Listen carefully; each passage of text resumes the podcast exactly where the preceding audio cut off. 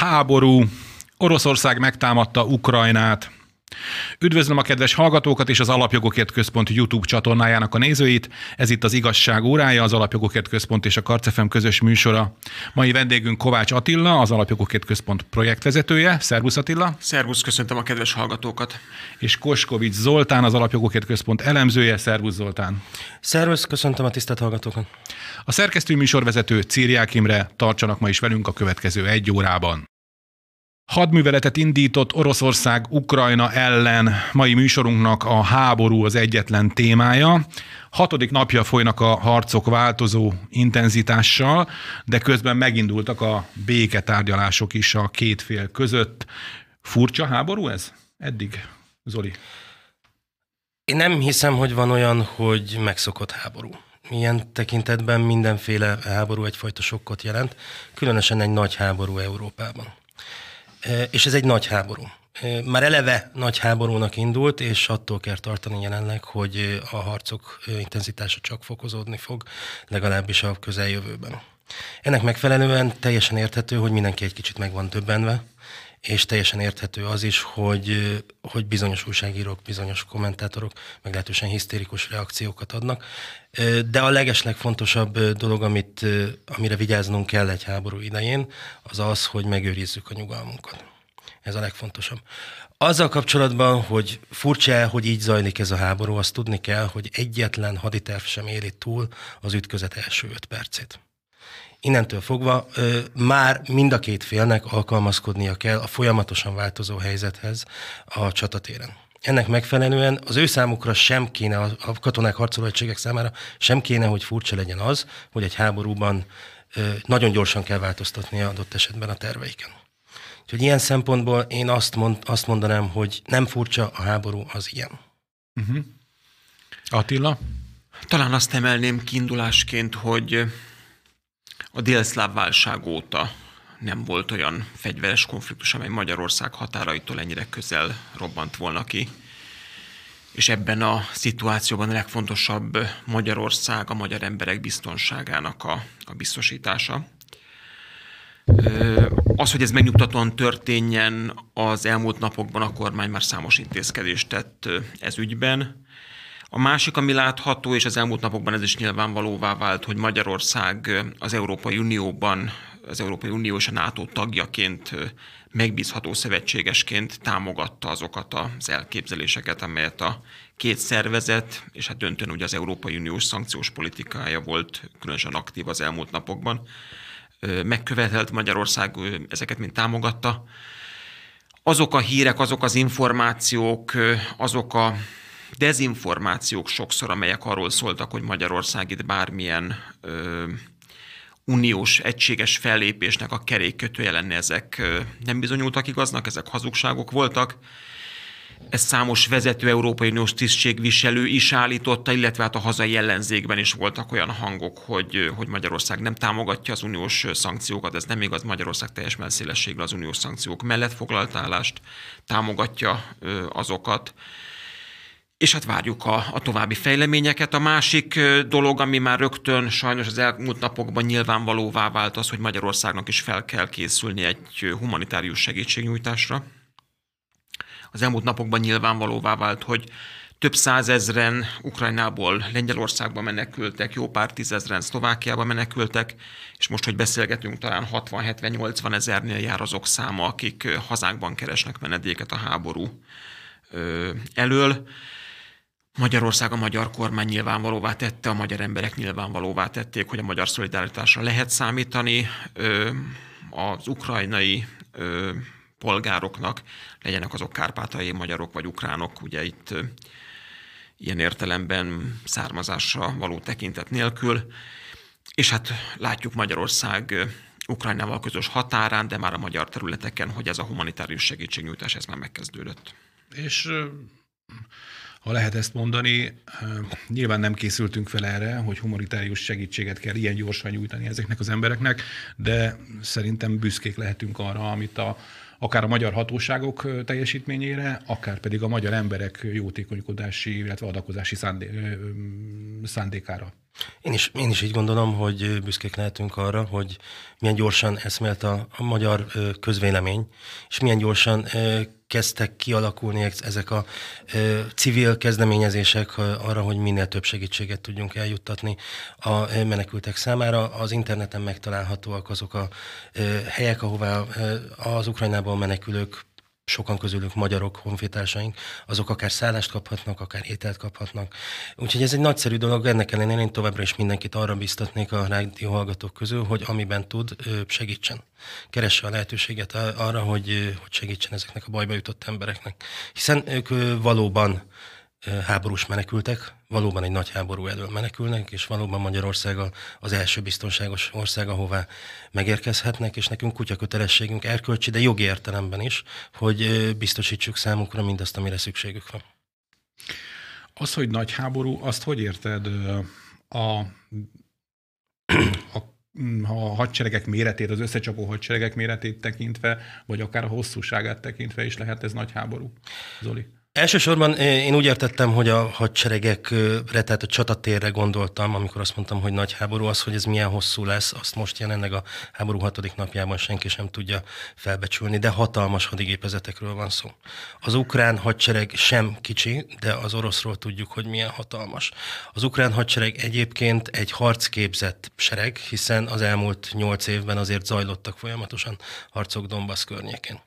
A támadás sem érhette őket váratlanul, hiszen hallottuk a nemzetközi híreket a, az orosz inváziót megelőzően, hogy, hogy erre erősen számítottak az Egyesült Államok és a Nagy-Britannia hírszerzése. Más kérdés, hogy kevesen hitt nekik akkor, hiszen az elmúlt húsz év nem azt, épp, épp azt bizonyítja, hogy az amerikai hírszerzésnek, hogy nyilvánosságra hoz valamit, akkor hinni érdemes ezúttal érdemes lett volna. Én azt hiszem, hogy a, a kapcsolatok a háttérben a két ország, Ukrajna és az Egyesült Államok között azonban voltak olyan mélyek, hogy az ukrán hadvezetés az felkészülhetett erre.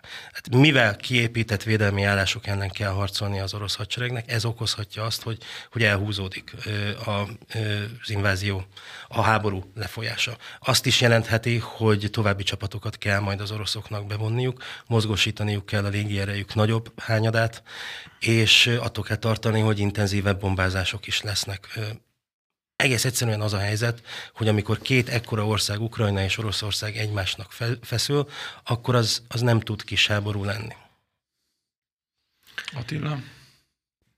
Mm, az uniós vonatkozásokról hadd szóljak még néhány szót. Ugye láttuk az elmúlt napokban, hogy, hogy fokozatosan keményedett az Európai Uniós álláspont Oroszországgal szemben, illetve hát az Ukrajnával szembeni, vagy Ukrajnával kapcsolatos kiállás, vagy Ukrajna melletti kiállása az európai közösségnek, tagállamoknak és brüsszeli vezetésnek egyaránt. Ugye szemtanúi voltunk az elmúlt napokban az oroszokkal szembeni légtérzárnak, a SWIFT rendszerből való ö, kizárásának Oroszországnak, ez lehet, hogy szelektív, egyes orosz vezetőkkel szembeni konkrétan személyre szabott szankcióknak, és Magyarország ezeket mind támogatta, és hát a legújabb hírek ugye arról szólnak, a tegnapi nap híre, hogy Zelenszky elnök kérelmezte Ukrajna csatlakozását az Európai Unióhoz, ez már hivatalosan meg is érkezett a, a, az uniós szervekhez több tagállam kiállt már ö, Ukrajna csatlakozása mellett,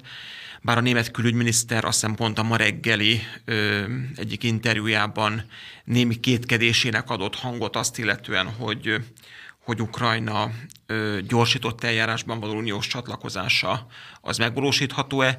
Új szerepkörét mutatja be az Európai Uniónak az, hogy Ursula von der Leyen bejelentette, hogy fegyverekkel, tehát, tehát konkrétan a harci cselekményhez kapcsolódó segítségnyújtást is nyújt az Európai Unió Ukrajnának. A magyar álláspont viszont az változatlanul, hogy ebből a konfliktusból ki kell maradnia Magyarországnak. Nem sodródhat Magyarország bele ebbe a ebbe a katonai konfliktusba. Ezért is volt az, hogy nem járult Magyarország hozzá ahhoz, hogy emberélet kioltására alkalmas eszközök Magyarországon keresztül ö, jussanak el az ukrán területekre.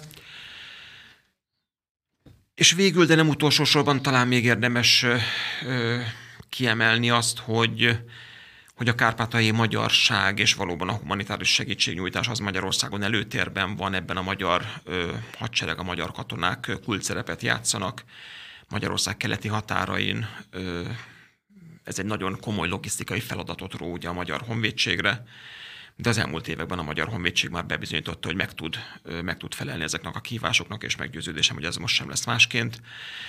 Még egyetlen gondolatot azért engedjétek meg, amikor a Európai Uniós, illetve hát a hazai politikai fejleményekről beszéljünk, azért kiemeljek. Azt gondolom, hogy az az ellenzéki álláspont, amelyet több ellenzéki vezető is magáévá tett, Márkizai Péter többek között ugye a baloldali ellenzék lista vezetője, hogy Magyarországnak katonákkal vagy fegyverekkel kellene részt venni ebben a konfliktusban. Ezek nagyon-nagyon veszélyes, meggondolatlan, felelőtlen kijelentések, amelyek ö, Magyarországnak a szó szerint biztonságát veszélyeztetik. Azt gondolom, hogy az, ami már elhangzott az elmúlt napokban, és Zoli is említette, hogy itt nyugalomra, stratégiai nyugalomra van szükség, ez kell, hogy a magyar politika zsinórmértéke legyen ezekben az időkben. A rövid bevezető után tartsunk egy kis szünetet. Hamarosan telefonon csatlakozik hozzánk Horváth József, az Alapjogokért Központ biztonságpolitikai tanácsadója, a polgári elhárítás és a katonai titkosszolgálat volt műveleti főigazgató helyettese. Önök az igazságóráját hallgatják a Karcefemen, műsorunk hamarosan folytatódik. Ez itt az igazság órája a Karcefemen, mai vendégünk Kovács Attila, az Alapjogokért Központ projektvezetője, és Koskovics Zoltán, az Alapjogokért Központ elemzője. Csatlakozott hozzánk időközben Horváth József, az Alapjogokért Központ biztonságpolitikai tanácsadója, a polgári elhárítás és a katonai titkosszolgálat volt műveleti főigazgató helyettese, nyugalmazott vezérőrnagy. Szerbusz tábornok úr! Üdvözlök mindenkit, szervusztok! Én Círiák Imre vagyok. Ugye a mai egyetlen témánk az az orosz-ukrán konfliktus. Tábornok úr, téged kérdezünk, szerinted mi lehet Putyinnak a célja? Én azt gondolom, hogy Putyin eh, elnöknek a célja az, az első eh, mozdulattól kezdve eh, világos. Egyrésztről az ukrán haderőt, hogy úgy mondjam, jelentős mértékben meg akarják gyengíteni, második lépésként pedig egy ha nem is orosz barát, de legalábbis egy semlegesség felé hajló új ukrán kormányt hatalomra segíteni, a jelenlegi amerikai barátsággal jelzett kormányt pedig eltávolítani Zelenszky az éven, és ezek után egy legalább egy semleges Ukrajnát létrehozni, amelyik nem jelent katonai fenyegetést Oroszország számára. A, vannak olyan elemzések, akik szerint állítólag kudarc az orosz offenzíva első néhány napja, mert még mindig nem foglalták el Kijevet. Hozzáteszem, 2003-ban az amerikai csapatok 6 hét alatt foglalták el Bagdadot. Ti hogyan vélekedtek, Zoli? Tehát a háború hatodik napján nem lehet azt mondani, hogy akármi is kudarc lenne. Egész egyszerűen túlságosan a háború elején vagyunk. Azért gondolják sokan egyébként, hogy kudarcos az orosz hadművelet, mert az amerikaiak még az invázió megkezdte előtt meglehetősen gyakran számoltak be arról, hogy ők mit látnak az orosz haditervekkel kapcsolatban, és ezek között az információk között szerepelt az is, hogy három nap alatt kéne az orosz csapatoknak elfoglalni Kievet. Most azt azért szögezzük le, hogy ha az elvárásokat is tudják is alakítani az amerikaiak, az orosz haditerveket már nem. A jelen pillanatban mi nem tudjuk, hogy mik szerep, mi szerepelt az orosz haditervekben. Amit viszont tudunk, az az, hogy a, talán az tegnap előttig az orosz haderőnek mindössze 40%-a, a felvonultatott orosz haderőnek, tehát annak a 190 ezer 200 ezer fős haderőnek csak a 40%-a vonult be Ukrajna területére. Ez két nappal ezelőtti információ. Mára ez a szám már nagyobbnak tűnik. De, hogyha ennél a 40%-nál maradunk, akkor alig, hanem Kiev környékére körülbelül egy ilyen 20-25 ezeres orosz kontingens eshetett ami szerintem egyáltalán nem alkalmas, és egyetlen orosz katonatiszt sem gondolta azt, hogy alkalmas arra, hogy elfoglalják Kievet. Arra már inkább, hogy előkészítsék a felvonulási terepet egy nagyobb hadsereg számára. Érkeznek most, hát BBC-re kell hivatkoznom ilyen szempontból, ami nem annyira szerencsés, de a BBC felületén láthatóak olyan műhold felvételek, amelyek szerint egy hatalmas páncélos hadoszlop közeled, közeledik most lassan Kiev felé. Elképzelhető, hogy Kiev igazi ostroma csak most fog megkezdődni. Minden esetre nagyon fontos az, hogy tudjuk, hogy egy háborúból érkező híreknek az első pillanatban nem szabad hinni. Van erre egy mondás, egy amerikai mondás, mely szerint az első három hír az téves, a negyedik pedig gyanús. Ez nagyon igaz a, a háborús körülményekre, úgyhogy csak akkor javaslom a kedves hallgatóknak, hogy bármilyen hírt is igaznak fogadjanak el, hogyha a nap folyamán az többször megerősül. Mert egyébként egyrészt információs háború van, másrészt az újságírók, a kommentátorok akár jó szándékúan is tévedhetnek egy háborús fejleményről, és harmadrészt az események pedig nagyon gyorsan tudnak változni a harctéren. Éppen ezért egy, teszem azt, egy település megszállása adott pillanatban még akár igaz is lehet, de két óra múlva elképzelhető, hogy már gazdát cserélt. Hát igen, viszont a, a, a nézők, a hallgatók, a médiafogyasztók, azok meg ki vannak éhezve a hírekre, és akkor ezt használják ki azok az erők, akik dezinformációt terjesztenek? Valószínűleg igen, vagy úgy tűnik, hogy igen Attila. az elmúlt napok fejleményei alapján, és én nem is feltétlen a, a katonapolitikai vagy biztonságpolitikai oldalát fognám meg, hanem dezinformációkkal van tele ugye a magyar kormány álláspontját, illetően is a nemzetközi politikai tér és az információs tér. Ez az, amikor az Elenszki elnök is felszólította a magyar kormányt arra, hogy támogassa az orosz bankok SWIFT-ről való leválasztását, Többek mert között, hogy ő úgy tudja, hogy nem nem. Többek között, de ugye itt Manfred Webertől kezdve Donát Annán és Dobrev Klárán és Hatházi Ákoson keresztül Márkizai Péterig, hogyha most én inkább ugye belpolitikai szereplőkre ö, koncentrálok, ö, mert azért ne felejtsük el, hogy itt van Magyarországon bő egy hónap múlva az országgyűlési választás, és úgy tűnik, hogy a hazai baloldali ellenzék akkor, amikor nemzeti egységet kellene mutatni ebben a kielezett helyzetben, ezt a háborús szituációt az önös pártpolitikai érdekeinek megfelelően ö, használja ki. Dezinformációkat terjeszt, tévesen állította többek között számos ellenzéki politikus azt, hogy Magyarország nem támogatna bizonyos uniós szankciókat, ez egész egyszerűen nem igaz. Ö, és hát ne felejtsük el azt sem, hogy Márkizai Péternek volt a közelmúltban egy olyan kijelentése is a kárpátaljai magyarokra a háború elől már magyarországi területre menekült ö, magyar honfitársainkra utalva, hogy hát a háború, hogy a el, előttünk álló választások kapcsán úgy is idejöttek volna, úgy is itt szavaztak volna, tehát volt egy nagyon-nagyon derogáló, megalázó, a határon túli magyarság irányába semmilyen szolidaritást nem mutató megjegyzés a Márkizai Péternek, amelyről azt gondolom a mostani szituációban, meg általában is azt gondolom a mostani szituációban meg különösen, hogy elfogadhatatlan. Tábornok úr, te hogy látod ezt a dezinformációs hadviselést, ha lehet így mondani? Tudomásul kell vennünk, hogy a 21. században a klasszikus inváziós műveleteknek második frontvonala az a dezinformálás. Tekintettel arra, hogy eh, amit most látunk, én azt gondolom, hogy az alapvetően arról is szól, hogy egyrészt a nemzetközi közvéleményt hogy lehet befolyásolni, megnyerni, maguk mellé állítani, másrésztről pedig hogy lehet az ukrán állampolgárokat elbizonytalanítani.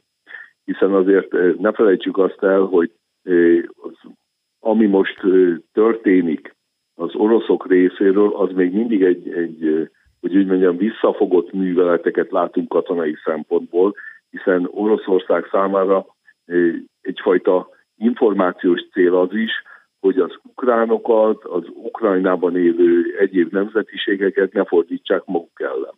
Ezért nem látjuk azt, hogy egy olyan fajta totális támadás indult volna meg a nagyvárosok ellen, amit az amerikai média is például súlykolt azért, hogy azt mondja, hogy lám megakadt az orosz támadás. Ahogy szerkesztő úr is említette, hogy mondjuk Bagdad elfoglalása az hány napot vett igénybe, én idehoznám azt is, hogy például az afganisztáni invázió kapcsán Kabul elfoglalása is közel 30 napot vett igénybe, tehát azt tudomásul kell venni, hogy a városi harc során ott elfogy a technológiai, technikai fölény, ott amikor ember-ember elleni küzdelem van, ott már ezek másodlagos tényezőké válnak, ugyanakkor a polgári lakosság válhat egyre nagyobb mértékben áldozattá. Tehát nyilvánvaló, hogy a nyugati kommunikációban is egyrészt ezt látjuk, hogy az oroszokkal szemben igyekeznek ezt a hangulatot kelteni, az oroszok pedig igyekeznek saját maguk mellé állítani az ukrán közvéleménynek legalább egy részét. A kommunikációs küzdelem területe pillanatnyilag azt gondolom, hogy erről szól. Vannak azért itt konkrét dolgok is, ugye mindenki emlékszik a Kígyó-sziget védőire, akiről az ukrán média először azt állította, hogy hősiesen önfeláldozva az utolsó vérükig védték a szigetet, aztán két nap múlva egy orosz, egy orosz felvételen látszotta, hogy ezek a halott védők leszállnak a ö, teljesen népségben a, a, a haj, az egyik hajóról Szevasztopolban, aminek megadták magukat. Ö, ilyen dolgokra is gondolsz? Haló, ilyen dolgokra is gondoltok? Abszolút mértékben, hiszen azért ne felejtsük el, hogy az egy nagyon, hogyha most nem egy véresen komoly háborúról beszélnénk, ahol emberek tíz és százezrei menekülnek el, és százak halnak meg, akkor azt mondanánk, hogy az orosz tömegkommunikáció ezt a történetet tökéletesen felépítette, és hagyta, hogy az ukrán vezetés erre a, dezinformációra felüljön, hiszen az a látványos hangfelvétel, ami arról szólt, hogy az ukrán kiskatonák hogy intenek be az orosz harcoló csapatoknak, majd ezt követően Zelenszky elnök már poszthumusz hősökké is avatta ezeket a katonákat, és az oroszok hagyták, tudatosan hagyták ezt a fajta szenáriót működni, majd másfél-két nap múlva lerántják a leplet erről a történetről, és kiderül az, hogy minden fiatal katona él, foglyojajtették őket, majd utána sértetlenül leszállnak az orosz hadihajókról, tehát nyilvánvaló, hogy ez is a, az orosz kommunikációs stratégiának egyfajta kisebb ütközete volt, amit az oroszok megnyertek. Az Európai Bizottság újra aktivizálta magát itt a konfliktus kapcsán. A szankciók sorát vezették be, illetve hát felszólították erre a tagországokat is, illet, sőt, ezen túl konkrét fegyverszállításokra is ígéretet tettek, például a harci repülők szállítására is. Hogyan tekintsünk erre, a, erre az új szerepvállalásra? illetve majd arra is kitérünk, hogy, hogy egyáltalán mit érnek majd ezek a szankciók, hogy hogyan lehet ezeket értékelni. Attila, szerintem Való... te hogy látod itt az Ursula von der Leyen megtátosodását?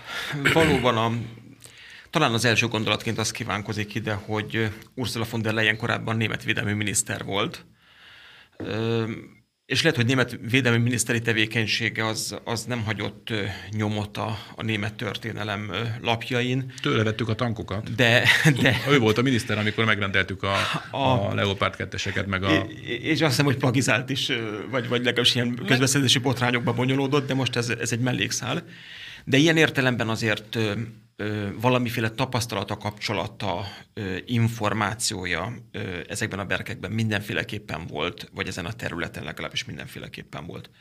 Így került ő ugye relatíve ismeretlen, nemzetközileg ismeretlen politikusként a bizottság élére, és azt gondolom, hogy a mostani határozott fellépése a bizottságnak és egyértelmű irányfoglalása a bizottságnak talán a várakozásoknál még az európai közvélemény vagy a nemzetközi közvélemény részéről is sokkal aktívabb, markánsabb fellépés a bizottságnak, az most mindenféleképpen Ursula von der Leyen dicséri, vagy, vagy Ursula von der Leyen ö, munkásságának a, a, a része.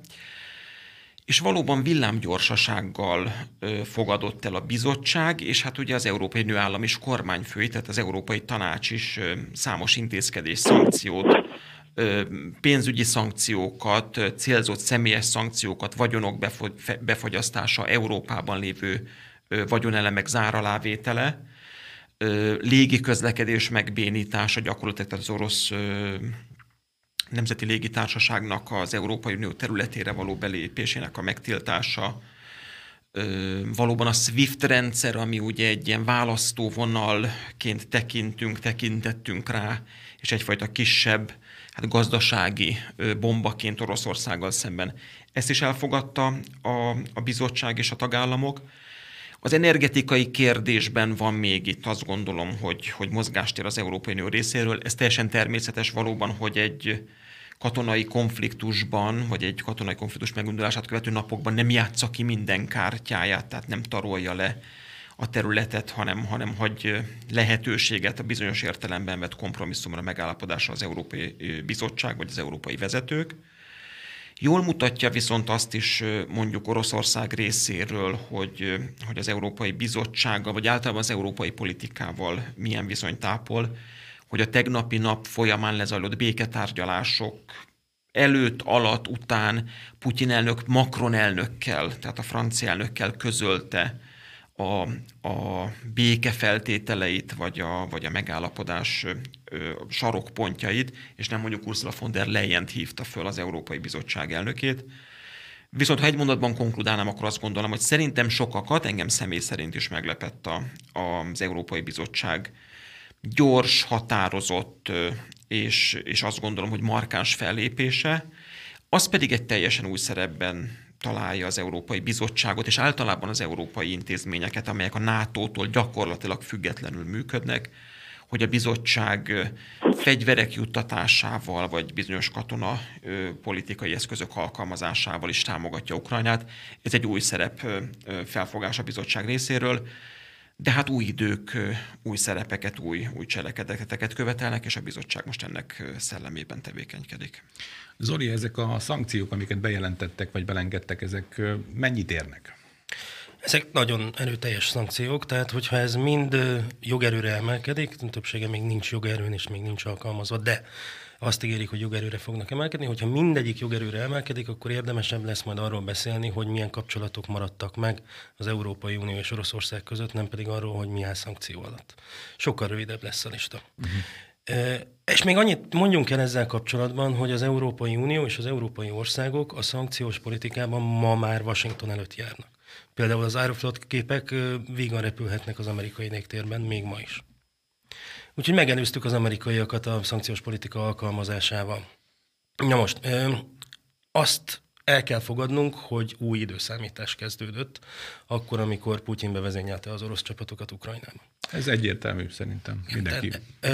Meg kell majd találni azt az új normalitást, amit, amit elérhetünk, hogyha a, a szituáció valamennyire rendeződik, de annyi bizonyos, hogy a jövőben Oroszország és Európa közötti ö, gazdasági, kulturális, kereskedelmi, mindenféle kapcsolatok, azok jelentősen ne fognak csökkenni a hidegháborús szintre valószínűleg, és leginkább ez lesz az a modell, amire fel kell majd készülni a nyugati vezetőknek, egy hidegháborús ellentétre. Leesik ismét a vasfüggöny, csak szerencsére Magyarország szempontjából szerencsére most más határok mentén fog leesni ez a vasfüggöny, és egy hosszú évtizedeken tartó hidegháborúra, ellenállásra kell majd felkészülnünk. Nem az fog történni, hogy teljesen minden megszakad azért Oroszországgal, tehát lesznek telefonvonalak. Nyilvánvalóan valamilyen minimális kereskedelem is lesz, ami mind a két fél számára, mind a két fél érdekében áll. Így például az energiát én még mindig nem látom, hogy komoly veszély alatt lenne, ha csak nem kerülnek az orosz ellenszankciók hatáskörébe. Mert ugyanis számítani kell gazdasági válaszlépésekre Oroszországtól is. Mindenki úgy gondolja, hogy Oroszország gazdasági ereje az kevés ahhoz, hogy valóban tudjon ártani az Európai Uniónak, de én azt hiszem, hogy ebben a helyzetben meg fognak próbálni, úgyhogy ne kiabáljuk el. Én ezt javaslom mindenkinek. Tehát összességében, a, hogy a szankciók elrettenték Oroszországot Ukrajna megszállásától nem. Tehát a szankciók miatt nem fognak leállni a hadművelettel. A szankciók immár tulajdonképpen büntető intézkedések, és felkészítik a gazdasági szereplőket és a különböző országokat is az új valóságra, amely majd szép lassan ki fog alakulni az elkövetkezendő hetekben, hónapokban. Tábornok úr, tőled is azt kérdezném, amit itt a, a Zolit a végén földobott, hogy szerinted a szankciók azok eltántoríthatják-e Putyint vagy az oroszokat attól, hogy, hogy folytassák, hogy fegyverrel próbálják meg elérni azokat a célokat, amiket fölvázoltál? Én azt gondolom, hogy a szankciós politika Oroszországgal, vagy a volt Szovjetunióval, vagy a cári Oroszországgal szemben soha nem vezettek sikerre.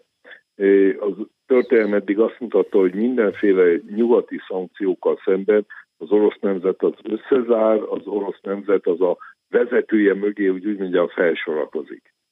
Másrésztről ne legyen kétsége senkinek a felől, hogy az elmúlt évek során az orosz vezetés nagyon sok szempontból fölkészült egy ilyen támadásra. Gondolok itt arra, hogy egy, számoltak egy esetleges szankciós intézkedés sorozattal. Nem véletlen az, hogy az elmúlt hetekben állapodtak meg például Kínával a gázszállítások növeléséről, de itt említhetnénk India vonatkozásában is. Tehát az oroszok alternatív útvonalakat az energiái tartalékaiknak a piacon való elhelyezése vonatkozásában már előkészítették. Másrésztről előkészítették azt is, hogy a SWIFT rendszerből kizárják őket, milyen alternatív rendszereken keresztül érik el a nemzetközi pénzpiacokat. Harmadrészt az elmúlt évek során láttuk azt is például, hogy Oroszország hogy vált egyre inkább önellátóvá, hogy törekedett arról, hogy mezőgazdasági élelmiszeripari önellátó legyen, sőt, most már export országként lépjen föl. Tehát én azt látom, hogy Oroszország nagyon sok szempontból tudatosan készült egy ilyenfajta katonai helyzetre, és az azt követő, hogy itt hallottuk is, egy hidegháborús légkörre, és azon belül, hogy az orosz nemzet, az orosz gazdaság hogy tudja ezt túlélni. Tehát ebből a szempontból én úgy gondolom, hogy kontraproduktívá válik, hogyha hosszú távon ezek a szankciók életben maradnak, akkor ez Európa számára legalább ugyanolyan fájdalmasak lesznek. De akkor azt mondod, hogy ennek ellenére az oroszok továbbra is továbbra, tovább fogják vinni ezt az offenzívát, és szerinted merre fejlődhet tovább maga ez az egész esemény sor? Ugye Putyin elnök már a nukleáris erőket is, is harckészültségbe helyezte, ilyenre talán a, a hidegháború vége óta nem volt példa. Valóban így van, ugyanakkor én abban bízom, és azt remélem, hogy az orosz elnök részéről ez pusztán a tétnek az emelése, és a pókerpartiban nem az all jelenti. Tehát nem mindent egy lapra tesz fel az orosz elnök, azzal, hogy a nukleáris ütőerőt azt élesítette. Másrésztről én azt is gondolom, hogy Putyin elnök nem teheti azt meg, hogy a jelenlegi helyzetben, hogy úgy mondjam, visszalépjen. Magyarul az, hogy Ukrajna vonatkozásában a jelenlegi katonai műveleteket félbehagyja, és utána egy ilyen befagyott konfliktus maradjon, akár hosszú-hosszú éveken keresztül az orosz-ukrán frontvonalon, és ebben én azt hiszem, hogy talán az is megerősít, hogy most mindannyian arra figyelünk, hogy mi történik Kiev körül, mi történik Harkovban, de én azt tanácsolom mindenkinek, hogy nézzük azt, hogy mi történik az Azovi és a Fekete-tenger partvidékén.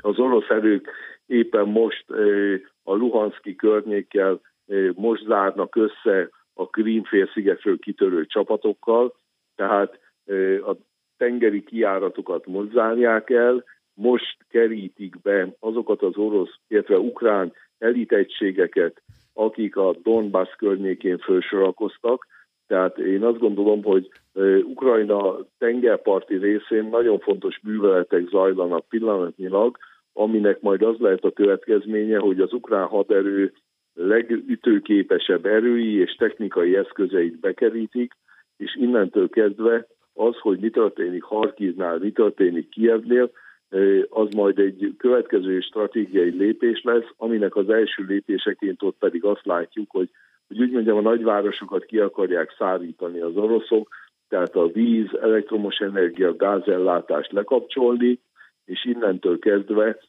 a lakosságot is demoralizálni, úgy, hogy közben ne kelljen neki nagyobb polgári áldozatokkal megindítani egy városostromot, hanem ennek előkészítéseként a lakosságot így kényszeríteni arról, hogy mielőbb elhagyják ezeket a városokat, és abban reménykednek, hogy így hull az ölükbe, vagy így érhetik el azt, hogy az ukrán vezetést eltávolítsák a hatalomból. Bocsánat, hogy téged fogadlak, de talán még ez is egy fontos kérdés, hogy elképzelhető akár az is, hogy találnak egy egy saját ellenminiszterelnököt, és, és azt fogják mondani, így próbálják megosztani például a, a, az ukrán ellenállást? Én azt gondolom, hogy Putyin elnök gondolkodását tekintve, mint egy volt titkosszolgálati ember, az legalább három-négy-öt lépéssel előre próbálnak ebben a sakpartiban előre gondolkodni. Tehát feltételezésem szerint az orosz vezetésnek már az a fajta pávkormány alapjaiban rendelkezésére áll, és névvel is rendelkeznek a tekintetben, hogy kiket szeretnének hatalomba ültetni. Ez az a következő néhány nap jó esetben, rossz esetben néhány hét eseményei fogják ezt igazolni. Én azt gondolom, hogy az oroszok, hogyha sikerül nekik destabilizálni az ukrán kormányt, és rávenni arra Zelenszkit és a hozzáhűt tanácsadóit és embereit, hogy elhagyják az országot, onnantól kezdve lehet egy orosz barát, semlegesnek mondott kormányt hatalomra ültetni. Térjünk vissza Magyarországra. Érintőlegesen szó volt már arról, hogy milyen hatása van a háborúnak a magyar belpolitikára, és milyen hatása lesz a kampányra, mert ugye mm, nem tudom hány nap van még az országgyűlési választásokig. 33. Ha, igen, igen, igen. Köszönöm szépen Attila. Tehát 33 nap van az országgyűlési választásokig. Hogyan befolyásolja ez majd a kampányt szerinted? Hmm, befolyásolni fogja, ez nem is kérdés. Azok a kampánytémák, amelyek az elmúlt hetekben uralták a belpolitikai porondot, ezek most mind-mind háttérbe szorulnak. És igazából a kérdés majd, hogy nem arra is leegyszerűsödik, hogy melyik az a politikai erő, amelyik békét, megnyugvást tud hozni ezekben a nehéz időkben Magyarország számára. A magyar kormányfő azt világossá tette, azt hiszem kettő nappal ezelőtt adott komolyabb, nagyobb interjújában, hogy Magyarország ebből a fegyveres konfliktusból ki kell, hogy maradjon, amíg ő a miniszterelnök addig ki is fog ebből maradni. Mindent meg kell tenni azért, hogy, hogy Magyarország ne sodródjon bele ebbe a konfliktusban. A ma reggel ö, olvastam a híreket, hogy a nagyköveti értekezleten a miniszterelnök világossá tette a nagykövetek számára, hogy a legfontosabb feladat számukra a világi minden pontján, hogy azon, azért dolgozzanak, hogy Magyarországon a békét, ezáltal értem szerint a társadalmi stabilitást megőrizzék, megőrizzék azt, vagy megelőzzék azt, hogy Magyarország ebbe a konfliktusba belesodródjon. Ez áll az egyik oldalon, a másik oldalon a baloldali ellenzék oldalán, és a baloldali ellenzék vezetőjének a Márkizai Péternek a megnyilatkozásaiból, de itt mondhatnám Fekete Győr Andrásnak a, a közelmúltban tett nyilatkozatait, aki szintén itt ugye az ellenzéki baloldali lista talán első öt helyezettje között található. Ott van, igen, ott van ő is. Ők pedig olyan veszélyes kijelentéseket és veszélyes cselekedetekre ragadtatnák el magukat, amelyek, amelyek azt mondják, hogy magyar katonákat küldjünk a, a, a térségbe, Magyarország fegyverekkel is támogassa nem tudom, Ukrajnát adott esetben, amelyek mind-mind olyan potenciális veszélyforrást jelentenek, amely, amely Magyarország biztonságát veszélyeztetni. Tehát azt gondolom, hogy egy olyan nagyon erős új szempont jött be a belpolitikai kampányba, amely arra leegyszerűsíthető, hogy békét, stabilitást, kiszámíthatóságot, nyugalmat az egyik oldalon, amelyet a mostani kormányfő képvisel, és bizonytalanságot, veszélyt, hazardírozást bizonyos értelemben, és ennek minden adott esetben negatív következményével a, a baloldali ellenzék oldalán. Az látszik, hogy a baloldali ellenzék nem ismer se Isten, se embert ebben a konfliktusban sem, és a saját pártpolitikai érdekeiért olyan kijelentésekre ragadtatja magát, akár a miniszterelnök személyével, akár a jelenlegi kormánypárttal kapcsolatban, amelyek gyakorlatilag elfogadhatatlanok személyében, vagy, vagy, vagy politikájában felelősítéve a konfliktusért. Ez azt gondolom, hogy nem csak hogy ordas hazugság, de gyakorlatilag nonsenszitás határát is messze, messze átlépi. A hazai választók, a hazai választópolgárok előtt a fő kérdés, még egyszer mondom azt, hogy béke, stabilitás, nyugalom, vagy hazardírozás és kiszámíthatatlansága a másik oldalon. Zoli? Én ahogy figyeltem a választási kampányt az elmúlt hetekben, hónapokban, azt azért észrevettem, hogy a jobboldali közvéleményben volt egy olyan fajta hozzáállása ez az egészhez, hogy sokan jól szórakoztak Márkizaj Péter és a baloldali összefogásnak a csetlésein, botlásain. Korábban. Korábban, igen. Na most ennek vége szerintem. Tehát most ez az a pillanat, amikor ö, tudnunk kell, hogy választások jönnek, még nyerhetnek is, és milyen borzalmas veszély lenne az ország számára, hogyha egy ilyen egymással is marakodó hatpárti koalíció venné át a kormányrudat egy ilyen nemzetközi válsághelyzetben. Borzasztóan veszélyes lenne az ország számára. Nézzük meg a miniszterelnök jelöltüket. Az első három szó, ami szerintem mindenkinek még az ellenzéki oldalon is az eszébe jut róla, az az, hogy felelőtlen, agresszív és érzéketlen. Ez a legrosszabb kombináció egy ilyen helyzetben. Ez a leges legrosszabb kombináció. De gondoljuk azt, hogy Márkizaj Péter csak egy ilyen előretölt báb, valószínűleg az is, és a valóságban a háttérben Gyurcsány Ferenc irányítja a szálakat.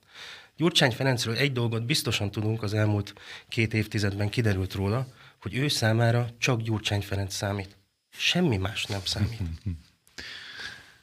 Mind a két esetben azt kell mondanom, hogy ö, se az egyik, se a másik ember nem kerülhet Magyarország kormányzásának a közelébe sem egy ilyen válságos helyzetben. Tábornok úr, te hogy látod a belpolitikai vetületeit a, a konfliktusnak?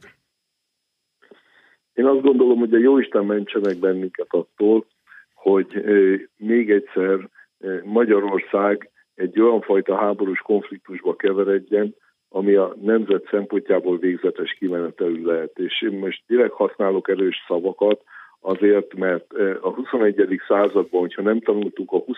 század hibáiból, nem okultunk abból, hogy Magyarországnak ilyen kalandolt politikát nem lehet folytatnia, akkor az a nemzet egészének jövője szempontjából végzetes lehet. És most itt pillanatnyilag ugye a kárpátai magyarságról beszélünk, de én azt gondolom, hogy a magyar honvédséget belerángatni egy ilyen kétes kimenetelű akár világháborús konfliktussal fenyegető küzdelembe, ez számunkra beláthatatlan következményekkel járna. Ezt minden eszközzel mindenképpen el kell kerülni, és hogyha ez a választásoknak a tétje, akkor azt gondolom, hogy az embereknek tisztán, világosan látniuk kell, hogy oda tegyék azt a keresztet, ahol úgy látják, hogy az saját és családjuk és országuk biztonsága az garantálva van minden szempontból. Van még egy kis időnk így a vége előtt, úgyhogy van még egy időnk egy, még egy körre. Attila, tőled azt kérdezem, hogy szerinted az európai közvélemény az hogyan változhat, változhat-e egyáltalán ebben az ügyben? Az európai közvélemény túlnyomó többsége most Ukrajna pártját fogja ebben a konfliktusban. Ukrajna valóban egy független, független szuverén országként most egy katonai agresszióval ö, szembesül. Láthatjuk ezt a szimpátia tüntetésekben megtestesülni Berlintől Budapestig, az azokon résztvevők. Láthatjuk ezt Brüsszelben, ahol ugye az Európai Parlament és az uniós intézmények az ukrán zászló színeiben pompáznak, tehát láthatjuk azt a szolidaritást, amelyet amit Európa népei most az ukrán nép irányába kifejeznek. És hát itt van különösen ugye Magyarország, a magyar nép is, amely, amely ebben a humanitárius segítségnyújtásban az élen áll, vagy élen jár. A, a konfliktus elhúzódása esetén ez változhat. És a konfliktus eszkaláció esetén ez változhat, akkor változhat érdemben, hogyha az energiapolitika terén is ö, változások lesznek, nevezetesen, hogyha a szankciós kör az energiapolitika terét is érinteni fogja. Amennyiben Oroszország gyakorlatilag lenullázza az Európai Unió országaiba irányuló gáz mennyiségét, az nagyon sok országban komoly problémát okozhat, és itt ne csak arra gondoljunk, hogy télen fűtenünk kell a házainkat, a lakásainkat, és hát sokan mondják, hogy hát kifelé megyünk az európai télben, tehát, tehát van időnk ugye utánpótlásról gondoskodni, de a földgáz egyik jelentős felhasználója az európai ipar. Európai iparágak ö, ö, jelentős része megszenvedni azt, hogyha ez a konfliktus odáig eszkalálódna, hogy az Oroszországból érkező gáznak alternatív útvonalakat kellene, hogy találjanak az európai vezetők, legyen az az Egyesült Államok, Algéria vagy más alternatív beszerzési útvonalak. Tehát ezt jó pár európai ágazat, és hát ezáltal közvetlenül az európai társadalom is megszenvedné. És itt egy különleges, vagy különös ágazatra még hadd utaljak, amelyet ez a konfliktus érint, ez pedig a mezőgazdaság, az élelmiszeripar nem csak az, hogy most a műtrágya előállítása, stb. stb. stb., hanem az, hogy Ukrajna mint a történelem során sokszor ugye Európa éléstára volt. Nem akarok a számokkal dobálózni, de 25-30 százalékát az Európában elfogyasztott gabonának, kukoricának, napraforgónak azt Ukrajnából importálta az Európai Unió, az Európai Uniós tagállamok. Ilyen értékben, vagy ilyen tekintetben a konfliktus elhúzódása az mindenféleképpen érintheti érzékenyen az európai gazdaságot és társadalmat. A béke ezért is mindenek fölött álló elsőrangú érdek. Zoli? Én azt hiszem, hogy hosszú távon nagyon nagy jelentősége van annak, hogy mit gondol a közvélemény. Ez nem az elkövetkezendők egy-két hétben vagy egy-két hónapban lesz majd ennek súlyos szerepe. De hogyha tényleg elhúzódik ennél tovább a háború, akkor, akkor valóban a közvéleménynek nagyon súlyos beleszólása lesz abba, hogy hogy alakulnak a dolgok, nem csak Európában, hanem az orosz közvéleményt is meg kell vizsgálni. Jelenleg minden valószínűség szerint az oroszok nagy többséget támogatja Putyin elnök döntését, egész egyszerűen azért, mert eddig is nagy többségük támogatta, és az orosz emberek úgy érezték, hogy Putyin megfelelő külpolitikát folytat, még akkor is, amikor háborúkat indított, például Szíriában, például Grúziában, Medvegyev elnök volt akkor az elnök, név szerint, de Vladimir Putyinnak hívták a miniszterelnököt, és valószínűleg ő indította el azt a háborút is. Azonban, hogyha a háború elhúzódik, akkor ez a helyzet Oroszországban is változhat. Itt hosszú távon az lesz a kulcskérdés az orosz történelmet vizsgálva, hogy az oroszok elhiszik el, hogy ez egy igazságos háború, vagy sem. Mert hogyha az orosz nép igazságosnak lát egy háborút, akkor minden áldozatot meg fog hozni a győzelemért, és ekkor semmi es- e, esély nincs ellenük tulajdonképpen, főleg nem egy Ukrajnának. Azonban, hogyha egy igazságtalannak látja a háborút, mint ahogy 1905-ben a japán-orosz háborút igazságtalannak látta, akkor viszont egy nagyon gyengének tűnő szereplő ellen is képes lehet. A, fordulhat akár az is, hogy, hogy belebukik a kormány azt nem gondolom, hogy ténylegesen a, a, a hadszintéren veszítenek ukránok ellen. 1905-ben a japánok ellen megtörtént. Itt most valószínűleg erre nincs esély, de, de belebukhat a kormány, akár maga Putyin is belebukhat. Tábornok úr, te hogy vélekedsz ebben a kérdésben? Én, én is azt gondolom, hogy a következő napok, hetek kérdése az időtényező lesz, és ez a legfontosabb, hogy az orosz vezetés dűlőre tudja katonailag úgy vinni eh, ezt az inváziót, hogy közben a polgári lakosság áldozatait minimalizálni tudja, vagy nem. Illetve a saját áldozatai a katona, orosz katonák hányan halnak meg, mert ez már belpolitikai kérdésé is válik. Tehát én ebből a szempontból azt gondolom, hogy az oroszok a következő hetekben vagy néhány hétben ezt a katonai műveletet rövidre akarják zárni. Itt a kérdés az az lesz, hogy az európai reakció azok milyen szinten maradnak, mert pillanatnyilag a fegyverszállítások mellett azért el kell mondani, olyan hírek is elindultak, hogy például MiG-29-es repülőgépekkel segíteni az Unió ukrán felett. Hát ezt tegyük hozzá, hogy ezeket a repülőgépeket üzembe helyezni, harckész állapotba helyezni, ez nem elég odavinni ezeket a gépeket, hanem ez további heteket igényel, mire egyáltalán bevethető állapotba kerülhetnek. Tehát ez inkább megint csak a média támogatás, vagy a média küzdelemnek a része is nem valós támogatás, tehát ebből a szempontból Magyarországnak továbbra is nagyon élesen figyelemmel kell kísérni az eseményeket. Ennyi fért ma az igazság órájába, az Alapjogokért Központ és a Karcefem közös műsorába. Kovács Attilának, az Alapjogokért Központ projektvezetőjének, Koskovics Zoltánnak, az Alapjogokért Központ elemzőjének, és Horváth Józsefnek, az Alapjogokért Központ biztonságpolitikai tanácsadójának, a polgári elhárítás és a katonai titkosszolgálat volt műveleti főigazgató helyettesének. Köszönjük szépen a mai beszélgetést. Köszönjük szépen. Köszönjük szépen. Köszönjük. Hallgatóinknak és nézőinknek megköszönjük a mai figyelmet, várjuk Önöket egy hét múlva a Viszonthallásra.